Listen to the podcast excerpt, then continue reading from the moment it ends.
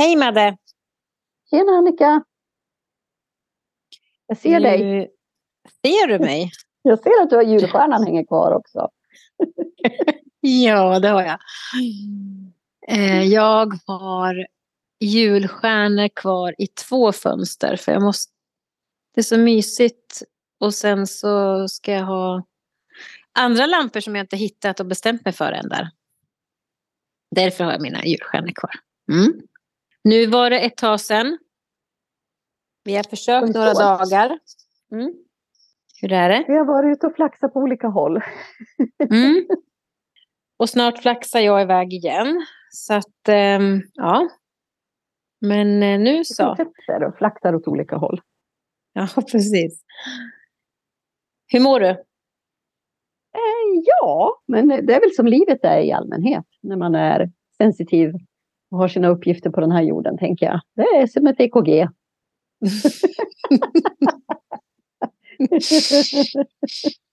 mm, och då är det bra om det ser ut som ett EKG också. Ja, precis. Mm. Kurvan alltså, upp och ner, upp och ner. Upp och ner. Yeah. Ja. Men jag har haft en så fantastisk dag idag. 31 januari eh, är det nu idag när vi pratar. Mm. Och jag tog mig ut på skogen här i min lilla by eh, där jag bor i Ärla utanför mm. Eskilstuna. Och eh, det gick att ta sig fram. Det fanns snö, men det fanns också barmark. Åh gud vad härligt. Alltså jag tjöt. Jag var mm. så lycklig. Alltså jag, hela jag var bara... Åh, du vet man får känna mm. lukten av mark och, och, och träd och mm. kontakten där. Alltså att det finns liv och och man kan mm. fysiskt röra sig och kroppen var så lycklig. Jag kände mig verkligen som eh, ett föl på grönbete. Alltså, mm. på riktigt, det var fantastiskt. Visst är det underbart? Ja. När liksom marken kommer, ja, börjar komma fram från snön, när man har haft ett täckt mark av snö. Liksom. Ja, det är det bästa som finns. Ja. Jag kan ju liksom bli liggandes där på alla fyra och bara lukta på mossan. Du vet. Ja, ja, ja. ja. Jag filmen ja. nu när jag beskriver det här. Det, det, det är så sjukt. På alltså, stigen där alla andra går också. ja. Nej, men det är som liv för mig. För mig är det liv. Jag känner verkligen hur jag eh, blir levande. Mm. Inte går det är våren som annalkas. Det är så. Mm. Mm. Ja, men det förstår jag. Vad härligt, underbart. Eh, jag kan väl inte säga att jag har upplevt det än, för jag har ju varit på kurs i några dagar. Ja. Jag har landat nu hemma precis ikväll. Eh, men jag har befunnit mig på en annan plats som har varit fantastisk. Så eh, jag säger ingenting om... Jag behöver inte ha upplevt den där än. Men jag måste ta mig ut. När du säger så där måste jag ta mig ut. Och få se och känna. Mm. Prova imorgon. Mm. men det är bara att man slutar jobbet så är det mörkt. Men eh, i helgen kanske vi får till det. Efter våran... Eller om vi får en paus. Eller om vi går ut under våran andliga dag vi har. Vår healingdag mm. lördag. Mm. kan hända att mm. man får en liten paus. Det ser inte riktigt så ut när jag tittar på schemat, men man vet aldrig. Nej, det får bli en annan dag. Ja. Mm. Jag tänkte så här, vi pratade lite grann du och jag innan så här om eh, rädslor. Men om vi skulle om vi skulle ta det från en vinkel eh, från mig, från mitt håll. Mm. Eh, där vi, eftersom jag varit på kurs, eller går en utbildning nu då, så har eh, under den här utbildningen så får man också behandling och ger behandling. Men det är så mycket som pågår. Eh, för det första så tänker jag att ehm, att ge sig in i en sån här utbildning kräver ju ganska mycket mycket av en faktiskt. Och innan jag gick med på att gå den här utbildningen, eller ja, jag gick med på, det kan man säga. Jag fick ju bara en, en känsla, en stark, stark känsla att jag skulle gå den och jag säger ja till det. Mm. Men där fanns det ju en viss rädsla förstås. Eller oro från min sida. Eftersom jag inte vet vad, som, vad, det, vad det innebär, jag vet inte vad som förväntas av mig, jag vet inte. Och jag är en person som behöver, eller har behövt ska jag säga, därför att jag har trott det. Att jag behöver hålla fast vid någonting, eller jag måste veta, eller jag måste förklaring, eller jag måste ha facit i hand helst innan jag har börjat. Och helst ska jag kunna det innan jag ens har börjat. Typ så. Eh, men då är det så intressant för att den här rädslan försvann ju från första dagen jag träffade alla. Eftersom det är en grupp människor som är så fantastiska. Så energin ifrån dem och, ifrån den, och från lärare och från rummet och där man befinner sig ger ju bara en um, sån där skön, härlig, omhuldande känsla. Men så går man några dagar och det händer saker och man får veta lite mer om sig själv, man förstår lite mer om sig själv och så här. Och så tror man, eller jag då i det här läget, så tror jag att jag ändå har koll. Och ehm, sen så känner jag bara vid ett tillfälle att jag ska berätta en sak. Jag kommer inte säga vad det är här i podden. Men jag ska berätta en sak för gruppen i alla fall. Eh, och redan när jag liksom får känslan eller tanken i huvudet att jag ska göra det så är jag livrädd. Så hela min kropp ställer in sig på flykt. Och det kan jag lova er att det var svett, det var högröd i ansiktet, det var som att jag hade 40 graders feber. Jag ville bara springa ut genom dörren. Det var så jag reagerade, för det jag berättade var ganska starkt. Men jag har ju bestämt mig för att möta mig själv, för att eh, släppa loss mig själv, för jag gör mig fri ifrån saker som är gammalt.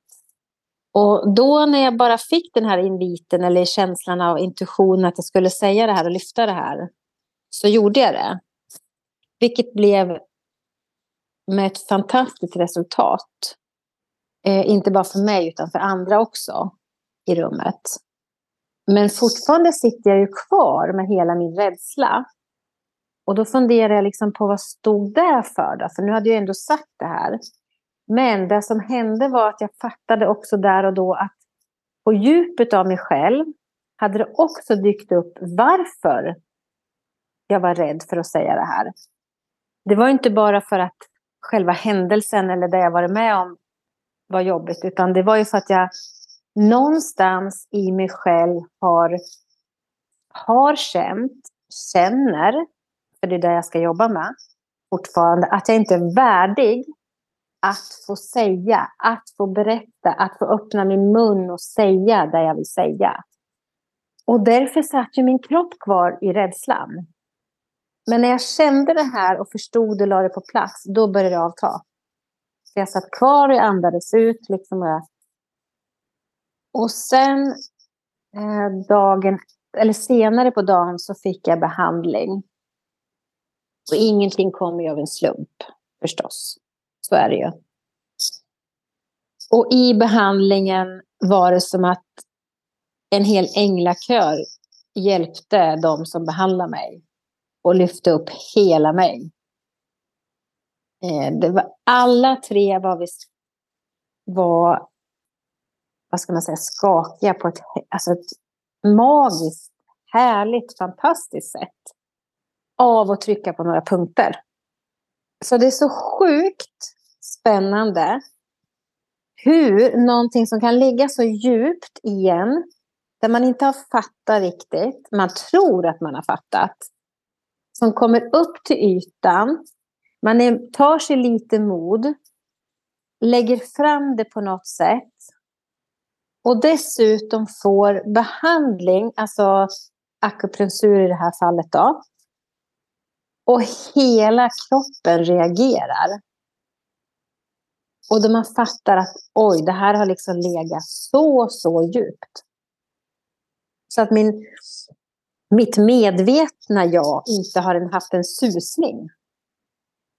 Jag har säkert, om man säger vid tillfällen fått upp det till ytan, men jag har inte lyssnat heller på det då. Eller jag har inte förstått det, jag har misstolkat det kanske. Det är så jag har känt i alla fall. Och nu ska det en gång för alla redas ut. Och samma...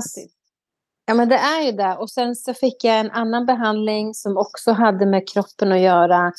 Där jag då fick förklarat att min ena del av kroppshalva höll emot, höll emot, höll emot, släppte inte, släppte inte. Sen så släppte det lite mer, lite mer. Förstår du att man kan känna det här? Alltså jag, kan, alltså jag kunde ju uppleva det också. Jag förstå. Jo, jag vet, jag vet att du kan förstå.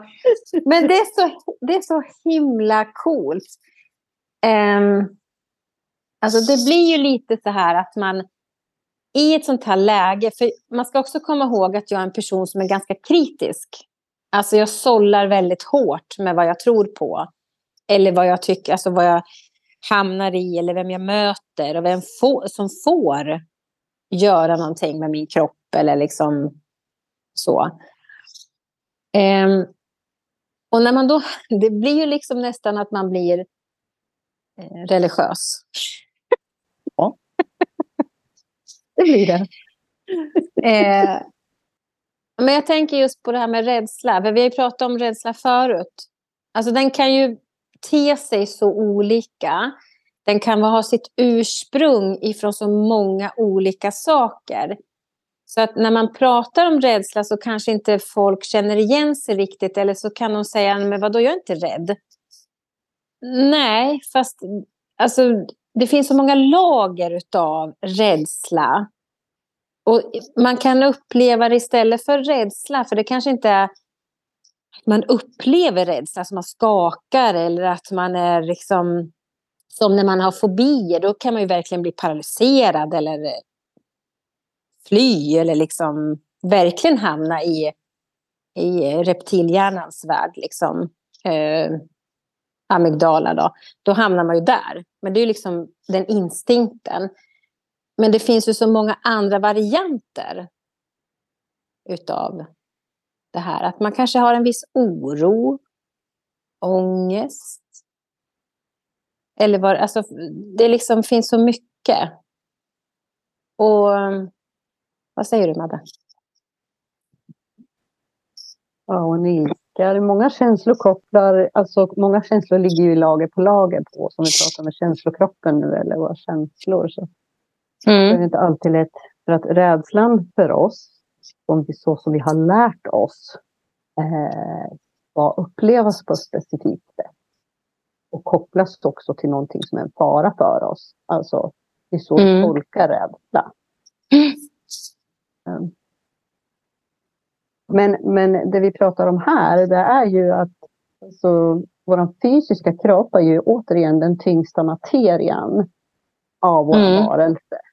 mm. Mm. Det innebär att det lagras otroligt mycket i våra fysiska kroppar. Eh, så att rädslor som har lagrats i våra kroppar kan ju ge oss symptom eh, på alla möjliga konstiga sätt. Liksom. Mm. Vi kan också använda kroppen som ett diagnosverktyg. Mm. Faktiskt. Mm. Mm. Ja, det kan man göra. Mm. Och vart någonstans har jag fel, till exempel i mina muskler. Alltså, var kroppen sitter den. Så rädslan är, är som känsla, eller som upplevelse som en sån känsla, är ju så, så stor. Och mycket större än... Och också så faktiskt rädslor kan ärvas. Jag växte mm. upp i en familj där min mor hade varit utsatt för hemska saker och fruktansvärt jobbiga upplevelser. Eh, hon bar ju massor av rädslor. Hennes mor i sin tur hade också upplevt en massa hemskheter i sitt liv. Eh, mm. Med rädslor. Alltså kopplade så. Eh, och det är klart att eh, vi ärver det. Därför att min mor som var nykterist eh, hade ett missbrukarbeteende. Eh, överkompenserade. Alltså missbrukarbeteende om man säger. Mm. Svartvit i mång mångt och mycket. Åsiktsstark. Eh, alltså inte backade från saker och ting utan snabba att liksom döma eller snabba att liksom fatta ett beslut och, och stå där alltså, och inte ändra sig. Alltså mycket mm. av det här kommer ju ifrån ett, ett uh, missbrukarbeteende någonstans. Att uh, de som är medberoende får förhållningssätt till livet. Mm. Uh, och hantera livet som vi sen ärver till exempel. Vilket, vilket vi gjorde. Mm. och utan värderingar. Alltså. Det är inte dåligt eller bra, eller, utan det är som det är. Mm. Eh, men det bygger ju också på rädsla. Det är skambelagt. Alltså det är skuldkänslor. Det är eh, att någon annan ska se eller någon annan ska liksom komma på mig. Eller, du vet, det är också rädslor. Och jag känner i mina axlar nu när jag säger sådär om att, att, att, man skäms eller man känner skuldkänslor. Och man nästan känner hur axlarna liksom ramlar framåt. Och liksom är betungt över nacken. Det är som att bära ett ok. Alltså när vi bär vatten med ett sånt här gammalt mm. ok. Det, det, är precis där det sätter sig. Man kan nästan känna det i sin fysiska kropp mm. man pratar om det. Ehm, så, så vi kan också ärva det genom beteenden eh, generationer tillbaka. Och när jag kommer till insikt om det och jag bryter det mönstret, så innebär det ju att jag också bryter mönstret för fortsatta generationer att ärva det. Ja, det är jättefint. Ja. Så alla sådana här upplevelser vi har och ja, där vi kan frigöra oss själva, där har vi liksom, ja, så säger man till de som kommer efter. Nu kan ni glida på räkmackan, jobbet är gjort. Precis. Men jag tror att det där är verkligen sant. Eller, alltså, eller jag vet ju att det är så. Men, men eh, jag kan titta tillbaka på våran också så här. Eh, alltså, en del av min rädsla ligger ju i kampen om mm, kampen för den jag har varit, är och framförallt som kvinna. Alltså det ligger i den feminina delen. Och den, nu tror jag på ett liv som ett liv före och efter det här. Mm. Eh, så jag har ju det med mig, eller jag vet ju att jag har det med. Jag har ju varit med om det. Men eh, även i, i det här livet, om man säger, så finns ju det, om jag tittar på mina kvinnor i min min generation, eller min, min, på min sida. Också en kamp i massor. Eh, så det här med att ärva är ju fullständigt sant. Att man gör till en viss del.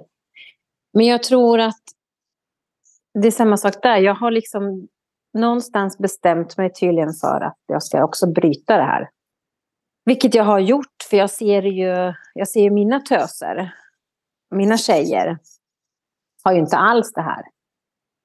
Nej. De, har, de har en helt annan fri tillgång till sig själv. Mm. Så det är himla fint och fantastiskt att... Eh, och någon gång så bryts det ju till slut för att någon kommer till den och bryter det. till, till, till det här uppdraget. Mm, precis. Mm. Nu fick du den här lotten, så varsågod. Varsågod. Ja. Eh, och jag kände att vi öppnade dörren där och sen så körde vi in på den vägen som var väldigt begripbar. Därför att ärva mönster eh, och eh, känslor som då kan sätta sig i våra fysiska kroppar. Jag tror att ganska många människor kan relatera till det. Man kan se det framför sig, man kan relatera till sin egen kropp, man kan titta tillbaka på sin egen uppväxt, sin familj. Mm. Så där någonstans är det ganska begripbart. Men mm. sen kan vi komma till nästa del. Och det är den som inte finns. den energimässiga delen. Mm. Eh, där vi alltså kan ärva eh, sånt som om vi gick tillbaka till de generationer vi har tillgång till i levande livet idag, eller har kännedom om, eh, som levt i det här livet. Så vi ligger alltså ganska nära oss och kan säga en, två, tre, kanske fyra generationer bakåt där någonstans. Där kan vi ha en, en, en koll på att levde fattigt eller eh, ja, hur de har levt mm. sina liv. Och där kan jag relatera till, okej, okay, jag ser att det finns ett mönster. Mm. Men om vi går bortom det, finns det ju också någonting då som inte är synligt för blotta ögat. Och då mm. är det ju energin. Mm. Frekvensen. Mm. Vi kan prata om DNA. Prata mm. om själen. Eh, alltså det ligger ju minnen i oss. Vi är, som du säger, vi har inte levt bara det här livet. Vi har levt andra liv och vi kommer att leva mm. flera liv. mm. Så eh, minnen som ligger så dolda så att vi inte har tillgång till dem för att vi kanske har upplevt saker i ett annat liv. Eller att vi upprepar mönster i det här livet som vi inte förstår. Varför blir det så här hela tiden? Varför liksom upprepas det här hela tiden? Det kanske inte ens är ifrån det här livet. Och så kommer vi till nästa del. Ja, vad är själen här för? Alltså den här resan. Vad är den här för, för upplevelser? Vad är den här med att bidra med? Det vet vi inte. Vi har inte tillgång till det i vårt vakna tillstånd. Vi frågar det. Så vi kan inte heller se och förstå varför vi upprepar samma mönster. Eller varför vi bär kanske starka rädslor för saker som vi inte riktigt kopplar dem till. Jag vet att jag mötte, vänta här nu, nu känner jag att det ligger här och vibbar, jag måste få tag på det, jag vet inte riktigt. Äh, vänta nu ska vi se. Det var någon jag pratade med häromdagen. Och jag minns inte vem och jag minns inte om vad, men jag känner att det ligger något viktigt här. Och jag kände direkt att det var inte det här livet som den här eh, frågeställningen handlade om. Utan det fanns någon annanstans ifrån i själen hos den här människan. Liksom. Mm. Eh, och jag sa aldrig så här är det, utan vi liksom resonerade kring situationen i fråga. Precis. Hur känner du när jag säger att skulle det kunna vara så här? Säg att det hände någonting i den människan, även om de inte, den inte fick tag på det. Mm. Så var det ändå någonting på någon nivå som hände i den människan. Mm. Det var också så sjukt häftigt att få ta del av. För jag vet att när den människan går iväg så kommer det fortsätta att jobba. Alltså mm. det kommer, någonting kommer att ske som gör att den människan blir medveten på ett annat sätt. Mm. Och det är det här som regressioner, meditationer och hypnoser är så, så kraftfullt. Att vi hittar och får tag mm. att, Men det kan ju räcka med ett samtal, alltså som du gjorde nu. Eh, tänker jag. Att um, Eh, jag menar, det, det, är ju lite som vid vissa tid, tillfällen nu under de här dagarna jag har varit borta, så jag känner ju inte de här människorna.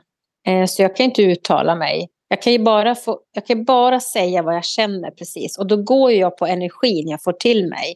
Och sen bubblar ur mig. Jag har ju liksom inte min hjärna påkopplad alls där. Utan då liksom bara blablabla säger jag någonting. Och jag kan också uppleva den här som du sa, den här man ser nästan så här ett så här förundran liksom i personen att oj, ja, alltså att det händer någonting.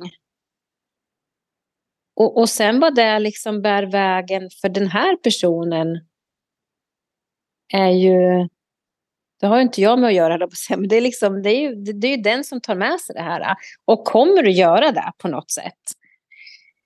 Eh, och jag tänker att, som du, när du är inne på det, för det är ju liksom, det är där det handlar om energinivå.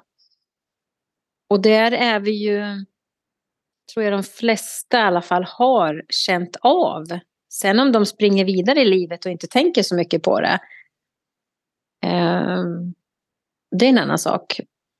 men det händer nog titt som tätt i människors liv att man har liksom ändå känt att oj, vad hände här? Alltså det finns något djup i kontakten eller energin. Där inte våra hjärnor är inkopplade. Och, och, och den är ju häftig. Eh, den tycker jag, de, jag tycker, jag önskar att fler skulle liksom ändå våga laborera lite med det. Våga stanna upp lite och få liksom nys på det här eh, lite mera. I sin vardag. Den tillgången, allihopa har vi den. Jag hade en konsultation här på eftermiddagen om och jag sa det, alla är vi medium, vi är alla mediala. det är omöjligt att vara människa på den här jorden och inte vara medial. men, men sen kan det ju vara så att vissa av oss eh, har inget intresse, vi är inte, vi är inte medvetna. Dör man så dör man och så är det bra med det. så är det bara. Ja, absolut. Och då kommer jag ju aldrig börja utforska den delen i mig. och det är Nej. också bra. Men, men eh, vi alla har förmågan. Vi, vi är liksom sensitiva varelser. Vi känner. Mm. så, så är det ju.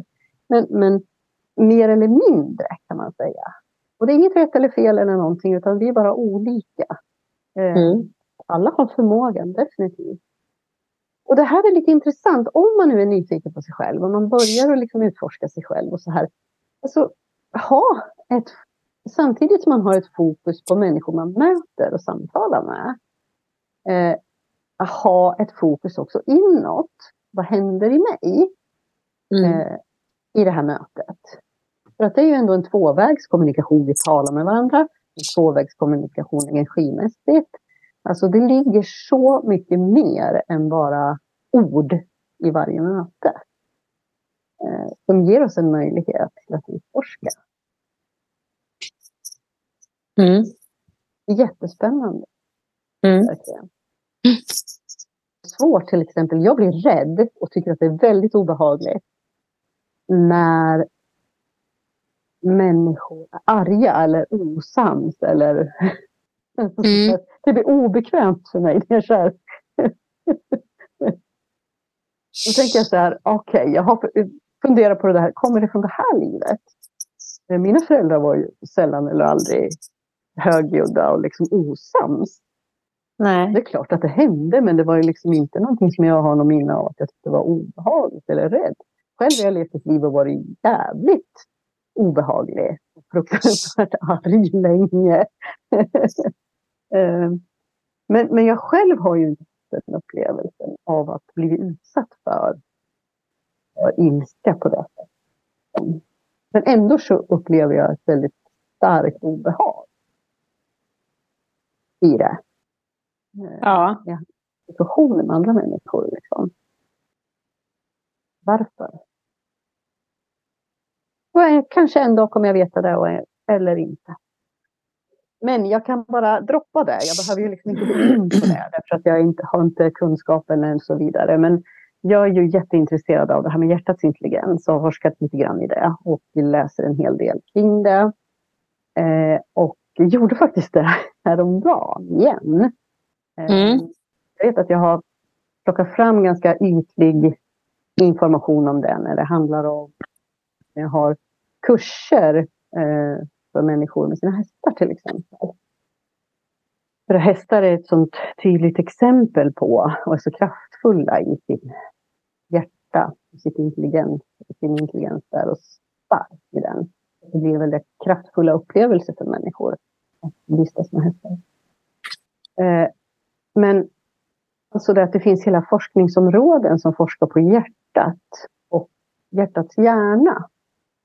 Det har man ju mm. konstaterat. Och den sitter ju då runt eh, alla stora kärl. Så, eh, på överdelen av hjärtat. Lite bakom. Ner lite bakom hjärtat. Eh, och den är helt frikopplad egentligen ifrån hjärnan. Eh, ingenting är frikopplat i oss, men den är separat. Alltså det är en egen liten hjärna som finns i hjärtat. Um, och det här är jätteintressant när man börjar grotta ner sig lite grann i Eh, därför att det stärker liksom min sanning som jag alltid har levt efter, att det är hjärtat som är den stora styraren i våra liv, naturligt. Medan människan har under så många år trott att det är hjärnan. Den har också premierat att försöka vara mm. smart och styra våra liv. Eh, men jag vet att det finns nu ganska mycket forskning, i alla fall i USA, där man forskar ju på, på sambandet här. Som stress till exempel eh, har man ju konstaterat kan ju då skapa en stressad hjärna. Alltså hjärnan är stressad. Det påverkar hjärtat för att hjärtat kan bli sjukt om vi mm. lever under stress för länge. Eh, men vill man ta det ett steg längre, titta vad händer känslomässigt om vi upplever att hjärnan som sitter i hjärtat har varit utsatt för trauman.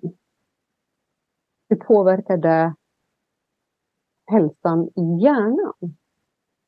Mm. Här har man börjat ana eh, det är ingenting som är liksom en sanning. Men demens, eh, sjukdomar bland annat. Om det kan ha en koppling till att hjärtats hjärna då har varit överbelastad under så lång mm. tid. För att det finns ingenting som går åt ett håll, allting hör ihop. Men jag tycker att det är mm. otroligt intressant. Och jag tror att den här forskningen kommer att eh, gå ganska snabbt framåt. Eh, där vi kommer att se eh, riktigt roliga, intressanta kopplingar framöver. Där vi kommer att få en större förståelse mm. för människan också som helhet. Det tror jag med. För det första går ju allting mycket snabbare idag än vad det någonsin har gjort. Ja. Ehm, så att, men också, det är det som är spännande för om man tänker sig att skulle gemene man börja liksom rota lite grann i olika saker och titta, snegla liksom åt större åt väst om man säger där man forskar på ett annat sätt och mycket mer. För det är klart, USA är ju så mycket större. Mm. Det finns ju fler forskning alltså, och forskare och allting. Men de ligger ju långt före i mycket eh, mot vad Sverige gör. Sen finns det ju svenskar också naturligtvis som har koppling till USA och så. Men det liksom finns inte ute riktigt bland folket. Nej. Eh, nej. Utan man behöver liksom leta lite i så fall eller grotta ner sig. Men det är, det är spännande och jag tycker eh, jag tänker det, det här är en, en del. Men vad jag också som, det har vi pratat om förut om den här eh, medicinläkaren i, på KS som har eh, fått sin forskning fastställd om man säger och i, och i vetenskapliga artiklar och tidningar och allting nu om nära döden upplevelse. Ja. Det är också ett så stort framsteg. Det har liksom kommit till Sverige. Det har funnits, det har ju varit funnits i USA länge. Eh, men nu har det kommit till Sverige. Men jag, jag vet inte, jag får, jag får, ofta en känsla av att svensk, uh, i alla fall inom sånt här, och kanske medicin och alternativt eller kvantfysiken eller det här. Det finns ju forskning i det här med i Sverige, men det är liksom ändå så, det är som att man har en mur omkring sig i det här landet. Jag vet inte, eller så är det bara jag som har, jag har bara den känslan. Nej, men det är ju ganska vedertaget, alltså allmänt känt, att, eh, att Sverige är väldigt Eh, så, och, och, jag tänker att Sverige har den rollen också på något sätt att vara motpol. Därför att precis som med allting annat så behöver vi motpoler på något sätt. Att inte bara säga ja, ljus och kärlek, så här enkelt är det, så här bra blir det, bla bla bla bla bla. Nej men vänta nu, stopp här nu, säger vem och varför? och där tror jag att Sverige faktiskt har lite av den rollen att, att, att ändå, vi själva kan ju uppleva att, och framförallt när vi verkar inom det området, det komplementära, så så kan det vara lite så här, varför är det så trögt i det här landet? Varför kan man inte jobba med liksom komplementära metoder på sjukhuset? Eller varför är inte det eh, människor berättigade att kunna söka vård hos oss liksom, mm. utan att behöva betala ur egen ficka och sådär. Men, men samtidigt så tror jag att också det är, eh, det finns någonting positivt i det. Mm. Vi behöver hålla fötterna lite på jorden. Absolut, ja, ja, alltså det tycker jag verkligen att man ska. Men, men jag tror att mitt ligger nog i min egen natur, att jag har ju så svårt för att man inte kan sträcka ut en hand eller man kan inte öppna upp ögonen för någonting annat för att det är så blint om man säger det, så styrt. Och jag hatar ju det. Alltså jag, tål, alltså jag verkligen tycker inte om det. Och, och, och då blir ju jag liksom lite upprörd i det. Ja, men nu är vi inte och var upprörda. Nej, nej, nej, nej. Oh, nej, jag är så lugn och harmonisk. Så det... Jag har ju varit på kurs för bövelen. eh, och för dig som är intresserad, jag vill bara lägga in en liten passus här. Vi ska inte gå tillbaka in eh, och diskutera forskning och, och så vidare. Men men på PubMed så har vi inte forskning. Du kan leta efter HeartMath Institute har en hel del forskning som är eh, relativt enkel att liksom fatta. Fattar jag, då tänker jag, då fattar alla. Mm. så där kan ni kika. Ja, men det är bra. Det är bra ja. forskning. Det är bra ställen att söka artiklar och allt. Mm. Faktiskt. Det, det använder ju vi mycket inom mm. mitt yrke. Men det finns mycket spännande som händer också och jag tänker att det finns mycket spännande som man inte ens vet om som händer. Nej. Alltså bakom, Listerna. bakom kulisserna liksom. jag vet ingenting. Mm. Men som sagt, vi är också byggda på frekvens. Eh, och frekvensen är ju oändlig. Eh, mm. Det är ju ingenting som bara är centrerat runt min fysiska kropp, utan den, den finns ju överallt. Mm. Rädslor kan många gånger människor som har levt i turbulenta tider. Alltså så, jag tänker nu som under flera år här, vid den globala rädslan under covid och så vidare. Alltså jag tycker att man har släppt diskussionerna kring vad hände egentligen alldeles för lätt. Mm. Jag vi är så, så påverkade än idag. Och det här mm. var ganska nyss, det var bara bakom hörnet. Mm. Eh, där människor varit så påverkade, både utav det faktiska skeendet, det som, det som var synligt, men även det energimässiga skeendet. Ja. Eh, så att jättemånga människor mår jättedåligt idag.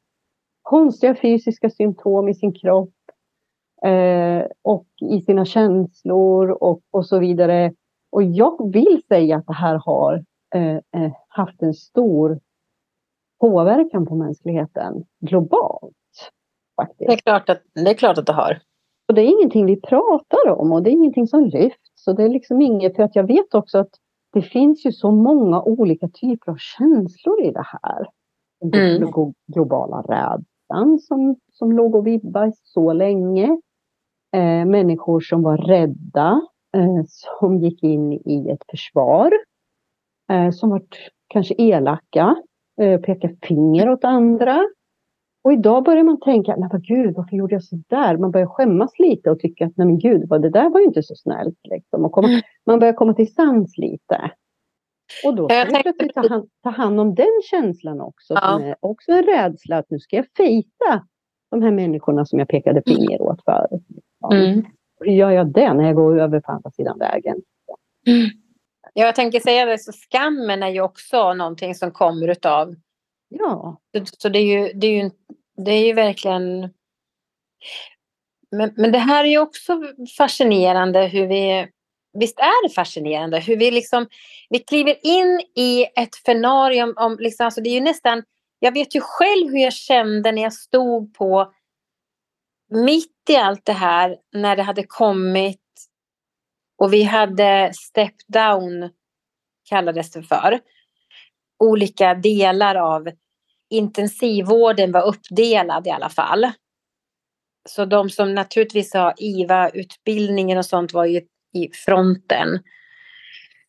Sen fick ju, om man ville och orka och kunde förstås, eh, vi som kanske inte har IVA-utbildning stå men ändå jobba med svårt sjuka som precis har, har kommit ur respirator och klarar sig och så här. Och jag kommer så väl ihåg min tanken, liksom mitt i allting. För dels så står man i en form av rymddräkt, höll jag på att säga, men det är i alla fall en helklädsel. Man är instängd, man vårdar.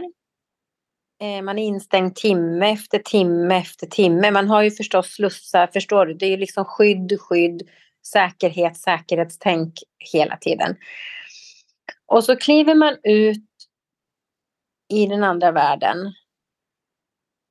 Och så ska man mitt i allt det här, för det här var ju också platser där man jobbar som man inte känner till, vart allt finns. Alla gjorde precis så gott de kunde och var fantastiska och löste allt utefter vad de kunde. Men då upp, alltså jag upplevde verkligen, men vad fan, det här är ju som krig. Mm. Det här måste kännas, förutom att vi inte har bomber som släpps, men känslan av det här kaoset. Och det var bara liksom sen och okej, okay, skärp dig, ställ dig i centrum, gör vad du ska, bla bla bla, alltså så här. Och sen känslorna kring patienterna går inte att beskriva. Det kan jag mm. inte liksom återberätta. Det är liksom helt... Det vet jag att flera har beskrivit, försökt och beskrivit på tv och så här och berättat. Mm. Eh, men allting var och är fortfarande knepigt. Ja. För det som är knepigt är att man just var med om så mycket, så mycket på alla våra plan. Mm. Och sen bara poff, ja. så är det som att det är borta. Mm. Och det förstår inte jag riktigt. Jag förstår verkligen inte riktigt hur det kan vara.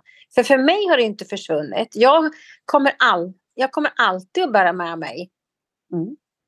allt jag har varit med om gällande det här. Mm. Så jag är liksom... Jag, jag, kan, det, jag kan säga detsamma, även om jag inte har stått där så har jag upplevt andra saker på mm. många plan eh, mm.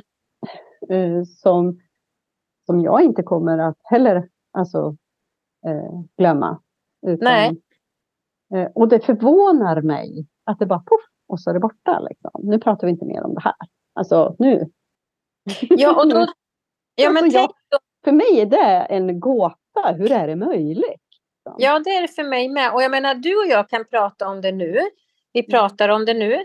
Vi, kan, vi kunde säkert, i alla fall jag, kunde, jag, jag kan ju prata om det sen i min arbetsrelation, alltså så här.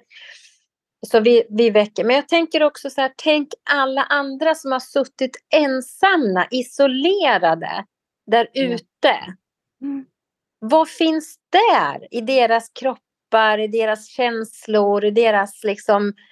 Alltså vad finns det kvar? Det måste ju finnas mycket och det är inte så att man ska gå... Det, det vi, vi menar ju inte att man ska gå och älta eller grotta ner sig i det, men det är ändå... Jag tror att det är av vikt att vi kanske ändå skulle våga behålla det närmare oss själva. Och bara liksom, okej, okay, acceptera, det här var så här. Och det kan bli så här igen. För det är så, om det går tillräckligt många år till nästa kris kommer, för det kommer att komma kriser. Så är det bara. Så är det, då kommer det liksom bli som igen att oj, drabbar det här oss? Vad är vi med om? Och det, Ja, jag vet inte. Men det är också, frågan är ju nu, nu blir jag lite så här, för nu tänker jag så här. Nu pratar man mycket, om jag har förstått det rätt, har jag förstått att många barn är oroliga för det här med kriget som finns utanför oss, men som är väldigt nära oss. Och det kanske beror då på att man lyfter upp saker och ting i skolor, eller de hör talas om och det berättas och så sägs det saker. Men det blir som ingen samlad ordentligt samtal kring det. Det är som att de får, de får höra men man får inte resonera.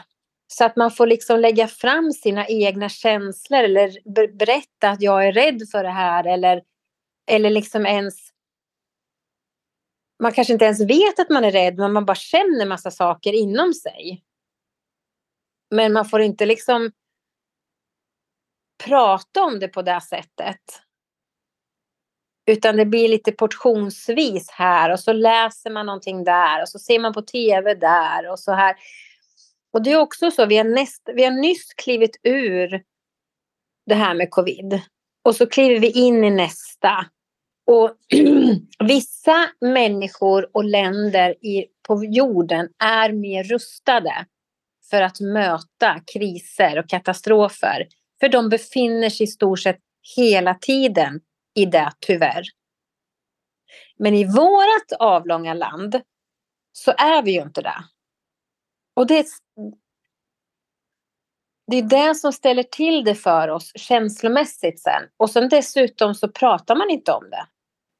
Nej, och jag tycker att det är ganska talande det här som du började med att beskriva. Din rädsla för, du visste inte egentligen vad du var rädd för. När du sitter där i ditt klassrum och vi har svettig på ryggen och bara vill fly därifrån och liksom, sen ska det bara det här ut som du bara vill dela. Liksom. Och egentligen för att du visste ju inget svar. Hur kommer det tas emot? Hur kommer det bli för mig sen? Alltså det var mm. mycket det här som var oklart och rädsla handlar ofta om det. Är det okända. Mm. Och då tänker jag så här, vi som inte har levt i krig eller katastrofer på flera, flera generationer. Alltså vi har inte det ärvt i generationer. Så, eh, så vet inte vi hur vi ska bete oss. Och vi vet inte heller vad vi förväntar oss och, och, och så vidare. Så att det blir väldigt abstrakt. Så det blir en rädsla som kopplar till någonting som jag inte vet någonting om. Det är stor skillnad än att jag kopplar en rädsla till att jag kommer ifrån ett område där det har varit krig, jag vet vad det handlar om, jag vet vad jag kan förvänta mig. Det är rädslor. Man är rustad. Mm. Två helt mm. olika, jag har två helt olika copingstrategier för att bemöta den rädslan. Absolut. Och Absolut. också nätverket runt omkring mig som kan, som kan prata med mig om det här mm. eh, på helt olika sätt. Mm. Inte glömma att vi är individer också. Mm, precis. ja. vi, vi, vi, upplever ju olika saker utifrån våra unikheter som individer. Det är också en aspekt att ta hänsyn till. Mm. Jag tänker att vi har inte återhämtat oss sedan den stora krisen som var då under, var det tre år eller två? Kanske med covid och allt Ja, det var ju tre år kan man väl säga nästan, ja, två och ett halvt då. Och, sen, mm. och, och, jag menar det var också så att faktiskt många samhällsfunktioner gjorde bort sig ganska rejält. Att en mm. stor del av den svenska befolkningen, jag vet inte, jag har inte gjort någon SIFO-undersökning på det, men jag kan tänka mig mm. att man inte har så stort förtroende för det som kablas ut. Eh, vilket innebär att vad leder det till idag? Mm censureringen till exempel var ju helt galen. Alltså, du fick inte säga vad du ville, du fick inte skriva vad du ville, du fick, kunde inte söka rätt på information hur du ville. Allting granskades och censurerades. Och det är också en sån viktig aspekt som man har glömt bort att det har hänt. Vi pratar mm. inte om det längre. Nej, vi gör inte det bara. Men jag har det väldigt färskt i mitt minne, vilket innebär att jag tror inte på någonting om jag inte känner i mig själv först min kompass mm. avgör om det här mm. är någonting att tro på eller inte. Mm. Ehm, jag har fördelen att jag har en vältränad kompass. Jag kan ändå gå fel, men jag litar på den. Mm. Hur många människor gör det? Inte många. Nej, och jag tänker att det är väl det som sker kanske just nu. För jag menar, jag håller med. Det är, det är ju samma jag går också på min kompass. Så jag går inte liksom med i allt det här eh, som, alltså som... För det läggs ju ut information på så många gånger felaktigt sätt. Eller så lyfter man ur det ur ett sammanhang som ska skapa rädsla och rubriker och allt vad det är. Men det, sånt går ju inte liksom jag på, utan jag försöker ju också följa min egen. hur känns det här? Eh, och, och så, och sen välja min väg. Men det är ju som sagt, som du säger, det är ju få. Och framförallt inte barn. Herregud, barn har ju inte det utvecklade kompassen. De har ju en jättefin känsla. De är ju sensitiva. Och det är ju det som också kan ställa till det för att de har vuxna omkring sig som säger massa saker dessutom. Som påverkar dem, försöker styra dem och så kanske de känner någonting. Och så kan de inte uttrycka det. Du förstår vad det kan skapa problem. Så jag tycker det här är ganska... Um, jag, blir, jag blir nästan förbannad, helt enkelt. Ja, det, det, kan man bli. Jag väljer ju då inte ta del av någonting. Jag lyssnar inte på nyheter, jag tittar inte på nyheter, jag tar inte del av så, alltså, och det är när du och jag möts så här och kan prata om det, men utifrån ett annat perspektiv. Eh, mm. Men annars så, så, så, pratar jag aldrig om sånt här. Alltså, det, det, är ingenting som finns som i mitt liv på något sätt. Det, det är inte levande i mitt liv. Det är inte så att jag förringar det eller förnekar det. Återigen, jag tror jag har sagt det här tusentals gånger. Men jag är inte delaktig i det. Jag lägger inte mitt fokus, min energi, mitt liv där. Nej. Utan jag har det helt annanstans. Men eh, jag... Men, jag när, när lager ja. på lager läggs av mm. stora katastrofer som är stora för att vara lilla Sverige. Liksom, eh, mm. Ganska tätt in på varandra. Um, så, så händer det saker i människor. Och vi har pratat om det förut. Vad händer när vi går in i stress? I en rädsla. Det slår på ett stresssystem. Alltså det är kamp eller flykt. Eller, eller liksom så fryser jag. Alltså bara. Mm. Alltså så här. Och då har vi inte tillgång längre till vår egen smarthet. Att kunna vara logisk, konstruktiv och heller inte kan koppla in intelligensen som bor i hjärtats lilla hjärna. Nej. Jag bara går utifrån det hjärnan säger mig. Och hjärnan är inte smart. Och så beter vi oss därefter. Då mm. mår vi därefter. Alltså, så det här är ju liksom ett jättecirkus verkligen. Mm. Och det är mm. nog det jag menar. Jag är inte till nytta för någon om jag väljer den vägen. Jag är inte här för att välja den vägen. Jag är här för att välja den vägen för att kunna bidra till andra. Eh.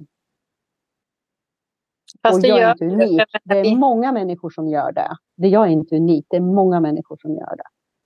Så skulle jag säga. Det är inte bara jag. Alltså, men nu är det du och jag som sitter här och pratar med varandra och jag vet att du har ett annat sätt att förhålla dig till det. Det är att du behöver veta saker och ting. För att i, i dig så blir det på något sätt en sorteringsapparat och det här.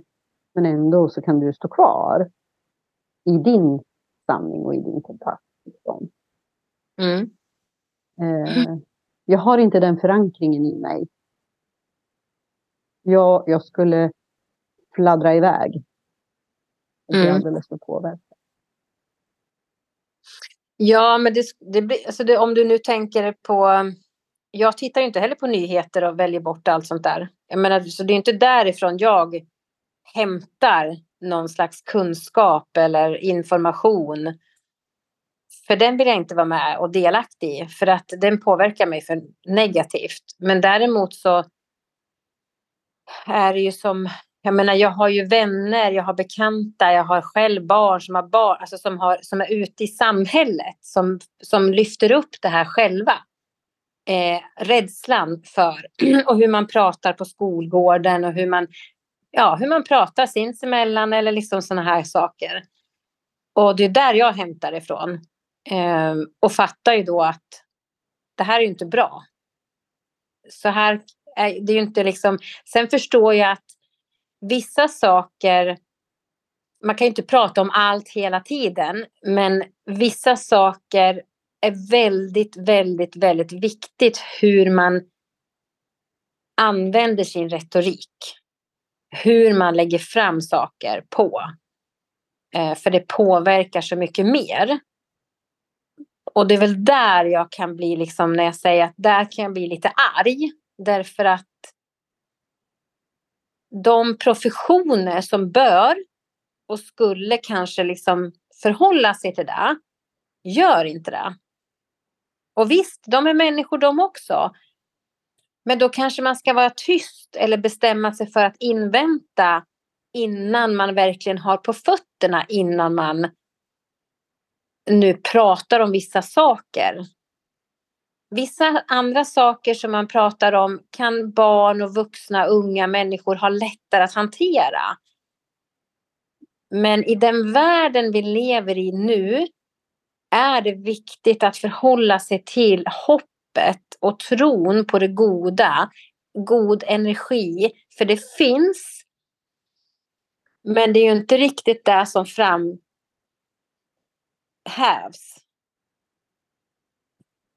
Och sen är det som att man, det är ungefär som att ja, man slänger ur sig någonting och så stannar det där. Så får liksom den som är mottagare till det här själv ta hand om det och lägga det till rätta eller fundera kring det.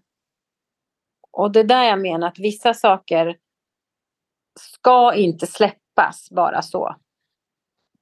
Man behöver prata igenom, man behöver få gå igenom det, prata, men man behöver gå igenom det på ett annat, man behöver ta hand om det. I, alltså, som covid behöver man ta hand om i efterhand också, lång tid framåt. Och den andra oron vi lever med med allting behöver man också ta hand om innan, förebygga liksom. Det finns väldigt många människor som lever med, jag säger inte att alla, men väldigt många som jag möter, eh, med känslor av skuld när någon har gått bort under covid till exempel. Därför att de kunde inte vara med sista tiden, de kunde inte ens gå på begravningen. Alltså det var så många saker som hände där där, mm. där vi naturligt oftast har ett helt annat sätt att göra det tillsammans. Eh, mm. Eh, och nu vart det som, fick man inte mm. den möjligheten på något sätt. Eh, Nej. Det påverkar också människor i deras sorgeprocesser eh, väldigt starkt. Att inte ha kunnat fått vara en del i eh, Men exakt. Ja, och då tänker jag så här att det var ändå någon myndighet som stoppade det här. Det var någon som beslutade att vi får inte ta del av, vi får inte vara med på begravningen. Vi får inte, vi får inte, vi får inte. Men man, man liksom lägger bara in ett förbud. Sen tar man inte hand om efterföljden. Inte för att jag säger att politikerna kanske ska göra det, men det finns ju andra som ska kanske ta hand om efterföljden. Och det gör man inte. Och det är lite klassiskt och typiskt i det här landet. Sen kan inte jag säga, jag kan ju bara svara för vårt land eftersom det är där jag befinner mig. Eh, och verkar och så. Men det ser ju liksom lite här och var. Att um, det är enkelt att bara lägga ut någonting men sen inte ta ansvar för resten. Och det skapar väldigt mycket obalans och problem som kommer att landa i knät på dem tillbaks sen så småningom i någon form. För att människor kommer inte må bra. Nej. Helt enkelt. Nej. Och då kopplar vi ju till det här, alltså vi började prata om känslan rädsla. Liksom. Och rädslan är en stark kraft som kan ligga så synligt och så osynligt och skapa så många beteenden och känslor och tankar hos människor och sen sätta sig i den fysiska kroppen eh, på mm. de mest underliga sätt och sen förstår man inte vad grunden är. Att det liksom har blivit en, en fysisk eh, effekt av det. Liksom. Mm. Det är ett system som hänger ihop. Mm. Så. Nej, mm. vi ska vara var... mindre rädda. ja. ja, just det. Det var enkelt. Nej, men jag brukar också tänka så här, alltså ibland att men är det här någonting jag kan göra någonting åt? Alltså kan jag konkret göra någonting åt det här? Vad kan jag göra i den här situationen? Och jag kan inte göra någonting där borta långt utanför mig själv. Jag kan bara liksom plocka hem det till mig och säga så okej, okay, hur känner jag, hur tänker jag, vad känner jag att jag behöver för att känna att jag har ett liv som känns fint och bra för mig. Alltså. Och där någonstans kan jag ta tillbaka min kraft. Och där någonstans kan jag ta tillbaka eh, mina val, alltså mina beslut och mina handlingar här närmare mig på något sätt. Um, och det Okej, okay, jag kanske får byta ett jobb. Okej, okay, jag kanske får gå igenom en sorgprocess därför att jag miste människor som jag egentligen gillar men som har visat sig inte vara så himla smarta alla gånger och trevliga och vänliga. Eller jag, jag kanske får göra så här istället och jag kanske göra så här istället. Att, att jag behöver ta ansvar för det som är närmast mig. Där mm. kan jag konkret agera på något sätt. Och när människan känner att vi har kontroll och kan agera på saker och ting. Plötsligt återfår vi kraften, vi återfår hoppet, vi återfår liksom känslan av att saker och ting är möjligt. Um, så, som ett tips om man är, har oro för saker och ting som ligger långt utanför sig, är att plocka hem. Okej, okay, vad är det jag upplever? Hur är det jag tänker? Vad är det jag kan göra här närmast? Reagera där. Absolut, och ta reda på, från, på från, om det är så att man kan inhämta information, så om det gör dig lugnare, så gör det i så fall. Och ta reda på från flera håll så att man sen bildar sin egen uppfattning. Absolut. Och jag tänker liksom, det är ju, så, det är ju som, alltså jag kan ju bara växa i mig själv. Jag kan bara bli tryggare, stabilare, vara mitt eget centrum. Det är det enda jag kan göra. Jag kan inte påverka någon annan. Men genom att jag ändå växer i mig själv och det gör vi alla på olika sätt. Jag gör det på mitt sätt. Du gör det på ditt sätt. Sen har vi våra vägar. Men liksom jag gör det på mitt sätt, vilket gör att jag kommer att påverka andra. Såklart. Mm. Och det där... Ja. ja. Nej, men är man då liksom så att man är sann i sig själv och ärlig. Och det är ingenting som betyder att man är fri från något någonting, utan vi är likadana alla. Men om jag vågar stå i mig själv och vara sann och vara ärlig så kommer intentionen och energin vara liksom annorlunda och stabilare. Det kommer också då leda utåt. Och framförallt just det här att jag upplever inte ett behov av att peka på någon annan och säga du är fel eller du har fel. Utan jag lägger det hos mig själv. Okej, okay, jag förstår varför andra beter sig som de gör. Det ligger en oro, en osäkerhet, en rädsla bakom, vilket gör att vi tappar det. Och jag kan mm. förstå det, vilket gör att jag inte tar på mig någon skuld, att jag är fel. Därför att andra mm. har åsikter om vad jag väljer. Utan mm. eh, det, det, är inte mitt att bära på något sätt. Nej. Eh, och genom att jag gör det, tar ansvar för mig, så står jag där och är stark i det. Mm. Och pekar inte på någon annan. Vilket gör att jag är ett bidrag till andra människor. Eh, energimässigt eller rent praktiskt konkret. Och det är precis mm. samma sak som du sitter på ett flygplan och du har barnen med dig och så säger flygvärdinnan eller flygvärden att ja, så kommer andningsmasken här, du sätter på dig den själv först innan du hjälper barnet. Det är mm. exakt samma sak. Mm. Exakt samma sak. Mm. Jo, men så är det. Det är ganska bra metafor. Ja, det är för att det är väldigt lätt annars att människor värderar det här som egoistiskt. Mm. Mm. Det är det minst egoistiska vi kan göra, det är att se till att, att jag tar ansvar för mig. Det är det minst egoistiska jag kan göra. Mm. För att det innebär att jag kan bidra till fler. Mm. Och likadant om man tittar så, vi pratar lite grann om, vi pratar, eller vi Många gånger så poängterar vi det här med att inte värdera och, och döma och så här. För det, är ju, det ligger ju en negativ frekvens i det. Det är lågt, tungt, dåligt så. Men eh, om du tittar på liksom när man dömer eller bedömer. Om du använder de begreppen, för många gånger, vadå dum, vad, vad, dumma, det är inte... Nej, för dumma.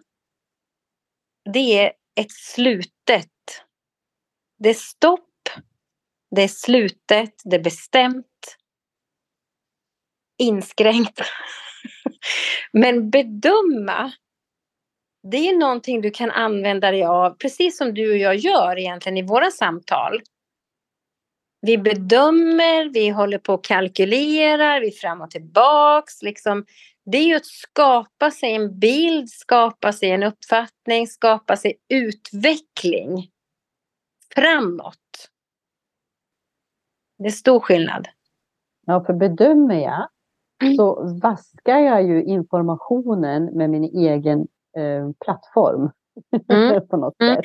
Mm. Är det här någonting jag vill byta ut, någonting jag redan har? Känns det här mer rätt? Eller känns det här inte som alls min, min väg att gå? Eller, alltså, det är den bedömningen vi gör hela tiden. Mm. Mm. Bedömer jag, då pekar jag åt någon annan och säger du är fel och jag är rätt. Mm det, det är slutet som du säger. Ja, det, det, är ja. det är så stor skillnad. Det är jättestor och skillnad. Det är så häftigt. Det ska vi ta någon annan gång igen. Vi, vi hade ju ett, ett, ett poddavsnitt där vi bollar ord. ja. Men det är faktiskt häftigt hur det kan...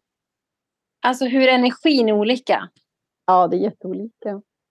Ja. Ja. Men... Det eh, kan te sig på många olika vis.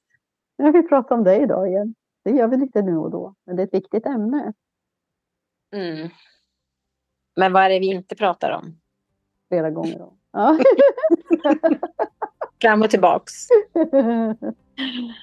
Eller ja, men allting står ju samlat under livet. Under kosmos. Ja. Mm. Det oändliga. Det oändliga. Så att eh, vill man hänga med på våra samtal så gör man det och då får man repetition ibland. Kanske något nytt ibland. Nya vinklar. Ja. ja. Mm. Men eh, ja, nu slutar vi för, tack för idag. Ja. Mm. Gör vi. Och Så, återhörande. Återseende, ja återhörande ja. Inte åter, ja du och jag återses ju. Men